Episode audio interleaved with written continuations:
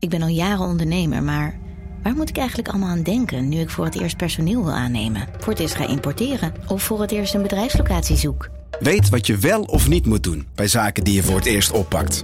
Check kvk.nl voor praktische stappenplannen. KVK, hou vast voor ondernemers.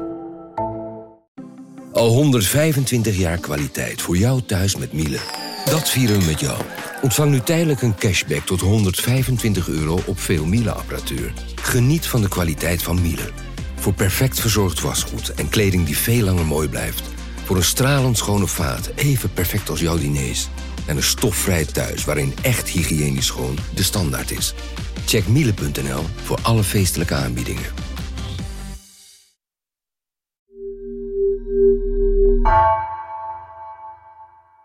Vanaf de redactie van NRC één van de verhalen van dit jaar. Mijn naam is Floor Boon.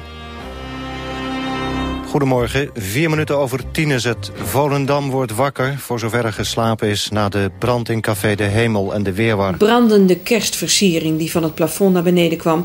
is waarschijnlijk de oorzaak van de cafébrand in Volendam... die afgelopen nacht en zeker acht mensen het leven kostte.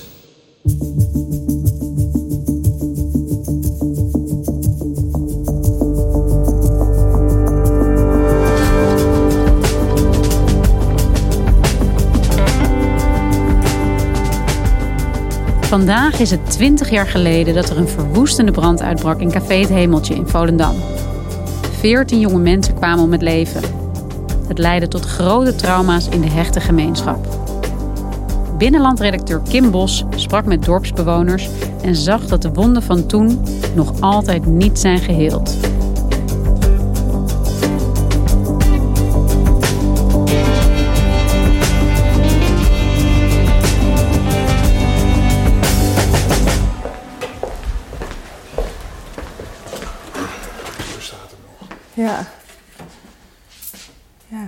Gesmolten. Ja, aan de muur hangen allemaal gesmolten posters eigenlijk. Hè. Je weet niet wat het was. Het was geen papier of wel? Ja, wel. Of karton. En er was ook een bar gedeelte hè, waar veel mensen hun handen aan hadden gebrand. Dat is gewoon die stang, ja. Ja, want om die houten bar je dan ja, het voelt raar, maar dat mag ik gewoon aanraken. Het voelt. Uh... Ja. Hoe voelt het? Nou, heel, ja, heel natuurlijk intens, hè? Want je weet dat hier uh, eh, 14 mensen zijn overleden. Dat, ik, ik kan de spullen gewoon aanraken. Die prijslijst die boven de bar hangt, die kan je gewoon aanraken. Maar het voelt als iets dat je niet mag aanraken, omdat het lijkt een museum. Hey Kim, jij was in het Hemeltje uh, in Volendam, de plek van de brand. Kan je eens vertellen wat daar ook alweer is gebeurd 20 jaar geleden? Ja, in het Hemeltje is 20 jaar geleden tijdens uh, de Oud en Nieuwviering eigenlijk van uh, eh, 2000 naar 2001 een hele grote brand ontstaan. Even na twaalf uur, allemaal mensen waren elkaar net aan het feliciteren en er was eigenlijk best een feestelijke sfeer. En er werden ook sterretjes aangestoken. En die sterretjes, die, dat was een bosje sterretjes geloof ik, die zorgden ervoor dat de kerstversiering die aan het dak hing, uh, vrij laag, in de fik vloog, waardoor een steekvlam ontstond. En een, uh, al, die, uh, al die lucht, en een, alles op ons af. We hadden enige lucht meer, niks. En nou ja, eigenlijk in één keer een soort vuurbal door die ruimte raaste... waardoor heel veel mensen gewond raakten. We hebben geprobeerd alles eruit te komen, maar niet iedereen is eruit gekomen. Ik heb gehoord aan een doodsgeval. Ik weet niet wat er gebeurd is, maar het is vreselijk wat er gebeurd is. Het vuur was ook vrij, vrij snel weer uit. Maar door de rookontwikkeling vielen er nog eens veel slachtoffers. En uh, in ene, ik, ik, ik, was gewoon gezellig aan het feesten met maatjes. En in ene, boem, alles erop. En in één keer, alles was weg. Paniek. Paniek, erg veel paniek. Na die dag overleden er zeven jonge mensen. En later overleden er nog eens zeven mensen. En daarnaast zijn er nog 200 mensen ernstig gewond geraakt die, eh, die nacht. Het is vreselijk gebeurd is. Echt, dat wil je niet meemaken. Het jongste slachtoffer dat is overleden was 13 en het oudste 23. Dus, uh, en ook alle gewonden waren heel erg jong. Het was echt zo'n ja, plek waar de jeugd naartoe ging. Weet je wel, met. met uh, ik, ik sprak bijvoorbeeld uh, de barman die daar werkte, die was destijds rond de 30. En die voelde zich heel oud daar. Dus dan kan je wel een beetje voorstellen wat voor een plek dat was. Echt zo'n soort um, ja, skihut, feestcafé-achtig, wat, wat, wat in die tijd best wel populair was. En Kim, waarom ben jij naar die plek gegaan om te kijken?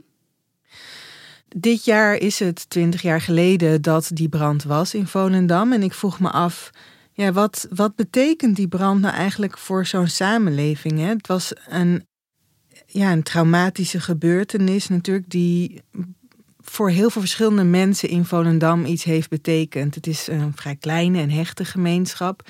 Dus bijna iedereen kende wel iemand die of ernstig verbrand was geraakt, of was overleden, of um, een trauma had opgelopen van uh, wat ze hadden gezien. Dus ik vroeg me af, ja, hoe speelt dat daar nu nog? En in mijn ogen is het hemeltje ook wel een symbool geworden voor het trauma dat die gemeenschap toen heeft opgelopen.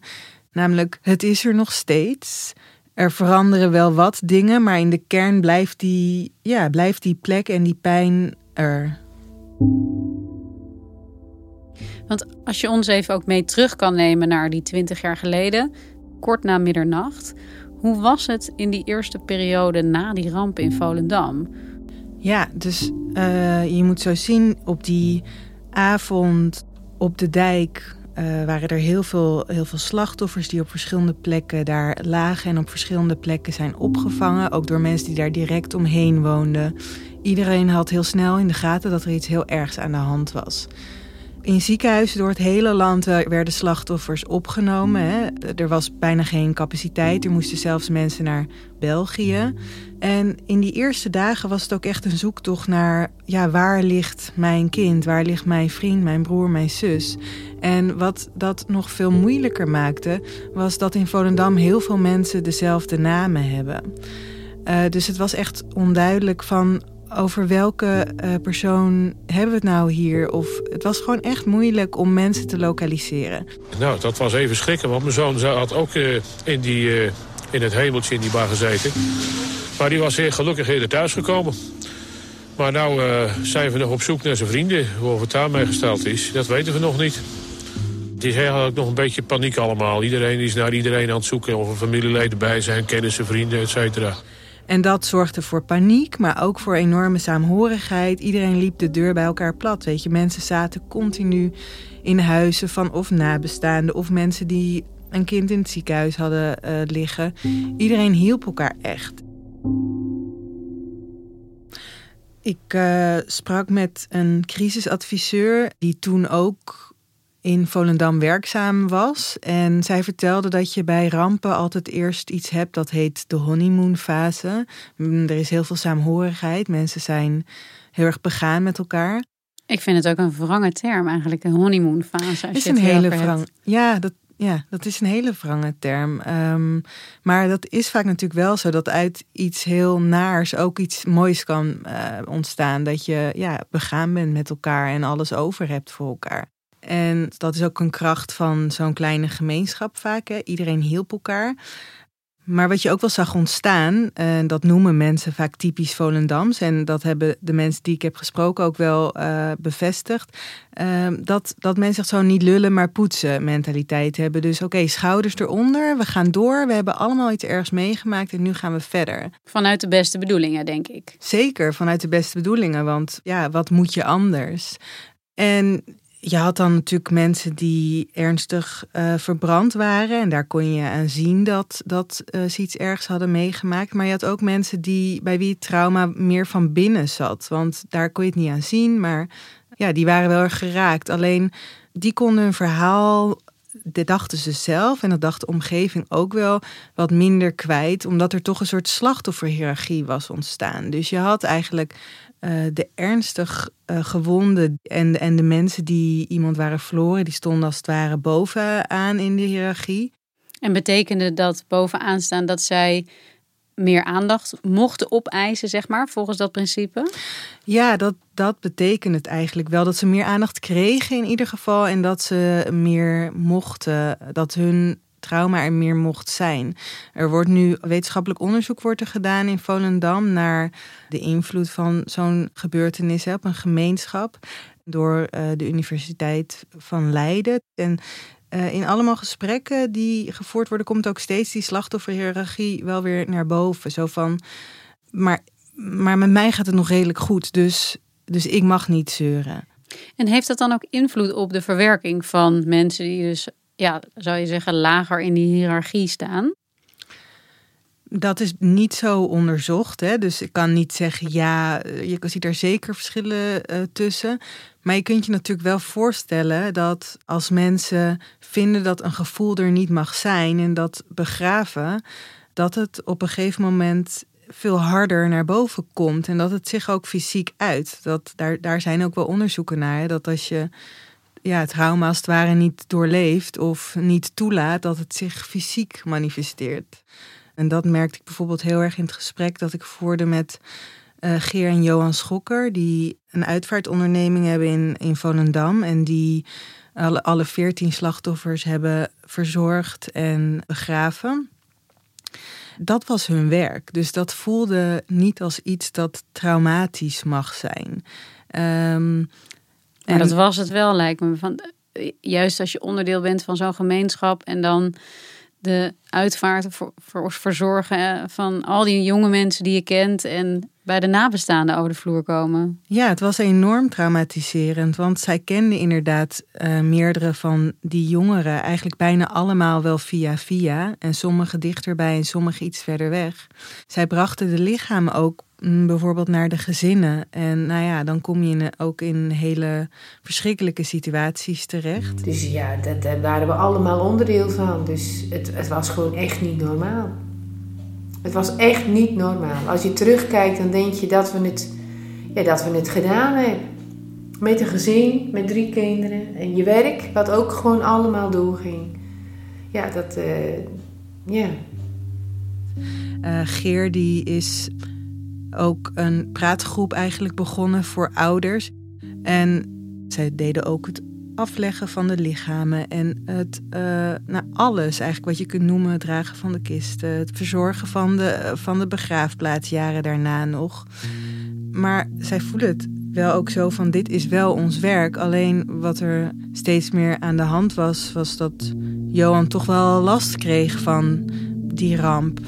En dat was ook met alle overledenen, zeg maar, alle families waar we kwamen. En, nou, hij ging daar ook echt zo zitten van, nou, Weet je, net of hij gewoon ook onderdeel van die uh, familie was, zeg maar. En hij, hij kon gewoon veel hulp bieden aan de mensen en uh, ze konden hun verhaal kwijt. Maar ja, de bescherming voor zichzelf was hij echt kwijt. Een aantal jaar geleden heeft Volendam Edam een nieuwe burgemeester gekregen. Lieke Sievers heet zij. Zij is, zoals burgemeesters dat vaak doen, meteen in gesprek gegaan met allerlei mensen. En um, Steeds kwam die nieuwjaarsbrand weer ter sprake. En ik denk omdat zij een buitenstaander is, ging ze daar weer vragen over stellen. Van hé, hey, maar wat voor rol speelt het dan nu in je leven en hoe, hoe ben je er bovenop gekomen? En dan, dan ontstaat er toch heel snel uh, iets waardoor blijkt dat die, die, die schil van. Uh, uh, we zijn uh, sterk en flink met elkaar en uh, we zijn gewoon doorgegaan en we hebben zoveel veerkracht. Gewoon ontstaat daaronder ook iets van, ja, maar in hoeverre hebben we het nou echt afgesloten? Mm. In hoeverre is het niet iets wat we weggestopt hebben en wat, wat, we, wat we gewoon niet durven aanraken? Nou, en dat kwam in, de, in, in heel veel gesprekken kwam dat naar voren. Maar Johan die was vorig jaar augustus was hij op bezoek bij de burgemeester van Volendam om te praten over het herdenkingsjaar. Nou, het, het eerste teken van verval was uh, tot de, vorig jaar augustus moesten we naar de burgemeester, naar de burgemeester voor de, de herdenking van de nieuwjaarsdag. Om alvast een voorgesprek te hebben. En toen kon ik niet meer stoppen met huilen. Dus ik dacht, zelf die schaamlijn me eigenlijk te plitter. Die, die vrouw had ik nog nooit ontmoet. En hij vertelde dat zij hem daar vragen over stelde. En eigenlijk begon hij te praten. En tegelijkertijd te huilen. En sindsdien is hij daar niet echt meer mee gestopt. Ja. Maar zij hadden dus eigenlijk een buitenstaander nodig om zich te realiseren hoe diep dit heeft doorgewerkt en hoe lang en hoe hevig. Ja, zij, zij hadden nodig dat iemand van buiten tegen ze zei: Dit is best wel heftig wat, er, wat ook jullie hebben meegemaakt. Want zij hadden die erkenning nooit op die manier gehad. Hey, en als we even teruggaan naar die tijd, naar die, die, die, die maanden, jaren, eerste jaren misschien na die ramp. Um, hoe verliep het in Volendam? Wat gebeurde daar in die gemeenschap? In die jaren na de brand was er elk jaar wel een herdenking. Maar kwamen er ook wel steeds meer geluiden uit de gemeenschap omdat, om, om er niet de hele tijd over te hebben. En laten we doorgaan. En we, we steunen elkaar, maar laten we gewoon verder gaan met het leven als het ware. En toen is het sinds 2010 eigenlijk niet meer zo groot herdacht als daarvoor. En hoe komt het dan dat het nu wel weer ineens zo'n onderwerp is, die ramp? Terwijl de herdenkingen minder zijn geworden en iedereen juist heeft geprobeerd om door te gaan met zijn leven. Een van de redenen daarvoor is ook dat die mensen die toen tieners waren eigenlijk, hè, zijn nu dertigers. En dat is best wel een cruciaal moment in je leven. Je bent echt volwassen. Je gaat vaak een gezin beginnen. Je hebt al een gezin. En dat maakt dat je ook weer anders naar het verleden gaat kijken. Zoals Kees de Boer, die ik ook sprak, die was tijdens de brand in het hemeltje. Ik wilde weer weg, want het, uh, het was niet te doen. Het was gewoon veel te druk. Ja, dat het gebeurde, dat weet ik nog wel. Uh, dat paniek ontstond. Maar toen, uh, vrij kort daarna, is mijn lampje uitgegaan. totdat ik op een gegeven moment weer buiten stond. Dus dat stuk daartussenin, daar weet ik niks van. Ik weet niet hoe ik eruit ben gekomen. Kees de Boer die heeft drie weken in coma gelegen na de ramp. En ook wel verbrand is hij. Dat kan je niet heel goed zien hoor, als je hem ziet. En die is eh, ergens halverwege de dertig. En die ging een paar jaar geleden samenwonen. En, uh, ja, dat ging op een gegeven moment gewoon mis. Weet je, ik, uh, ik ging net samenwonen met, met mijn vriendin toen. En toen, ja, op het moment dat dat allemaal uh, op de rit was, toen ging het mis. Er ontstond kortsluiting in zijn hoofd en hij was geen leuke versie van zichzelf, zegt hij. En hij dacht dat hij ernstig ziek was, dat hij kanker had en dat dat maalde maar in zijn hoofd en dat maalde maar en dat werd een soort obsessie. En uh, steeds meer mensen zeiden tegen hem dat zit waarschijnlijk tussen je oren. Uh, dus nou ja, schoorvoetend ging hij daar ook maar mee aan de slag. Uiteindelijk is hij bij een therapeut beland. Maar goed, uiteindelijk, een paar drie jaar terug, ging natuurlijk mis. En ben, ben ik erachter gekomen dat, dat daar nog wel een stuk, uh, een stuk pijn uh, lag. En nou ja, toen kwam hij erachter dat uh, wat he, bij hem is gebeurd toen hij volgens mij 15 was. Uh, dat dat eigenlijk tot op de dag van vandaag nog steeds heel veel invloed had. Dus dat hij daardoor heel erg in de knoop is geraakt. Kim, wat, wat, wat leren we hier eigenlijk uit? Uit 20 jaar collectief trauma en de impact daarvan op zo'n gemeenschap? Ja, collectief trauma en de impact daarvan op gemeenschappen is eigenlijk niet heel vaak goed onderzocht. En de onderzoekers van de Universiteit Leiden hopen natuurlijk dat ze nu ja, wat meer inzicht daarin krijgen. En uh, ze zijn nog volop bezig ook met het onderzoek. Uh, een deel van wat ze zien is dat er bijvoorbeeld in Volendam een uh, gemeenschappelijk narratief is, namelijk doorzetten, doorpakken en hard vechten. Maar dat dat af en toe wel de persoonlijke ontwikkelingen in de weg zit. Namelijk, ja, ik heb het wel moeilijk en daar wil ik wel iets mee. En wat trof jij? Wat zag jij daar? Op zich hebben ze het in Volendam volgens mij heel goed gedaan. Er is meteen een heel centrum opgesteld met allemaal experts. En er waren experts van buiten, maar ook heel erg veel experts van binnen Volendam die meteen betrokken werd. En er werd gezegd: jullie kunnen praten, jullie mogen praten, uh, kom, uh, kom langs. En dat werd herhaald en herhaald. Maar het gebeurde niet altijd. Dus ja, zo'n gemeenschap moet het ook willen. En ik denk wel dat dat uh, in twintig jaar tijd in zowel Volendam als Nederland is veranderd. Dat we gewoon meer praten over onze gevoelens en over wat het verleden met ons doet. Dat is ook een beetje de tijdgeest eigenlijk. Ja, het is heel erg de tijdgeest. Zoals die onderzoeker van de Universiteit van Leiden zei: de geesten zijn nu rijper. Dus we kunnen dat ook beter. We hebben meer ja, skills daarvoor. Ja, zoals je ook zag bij Kees de Boer en Geer en Johan. Ja, bij hun geldt wel dat nu twintig jaar later ineens dat boven komt. De afgelopen jaren, een generatie verder zijn we eigenlijk. En uh, nu is dat gevoel uh, prominenter aanwezig of dat verdriet. En daar gaan ze dan ook mee aan de slag. Dus daar doen ze ook echt iets mee, wat wel heel bewonderenswaardig is. Dankjewel, Kim. Alsjeblieft, graag gedaan. Je luisterde naar vandaag, een podcast van NRC. Eén verhaal, elke dag. Deze aflevering werd gemaakt door Anna Korterink, Felicia Alberdink en Jeppe van Kesteren. Chef van de audioredactie is Anne Moraal. Dit was vandaag. Morgen weer.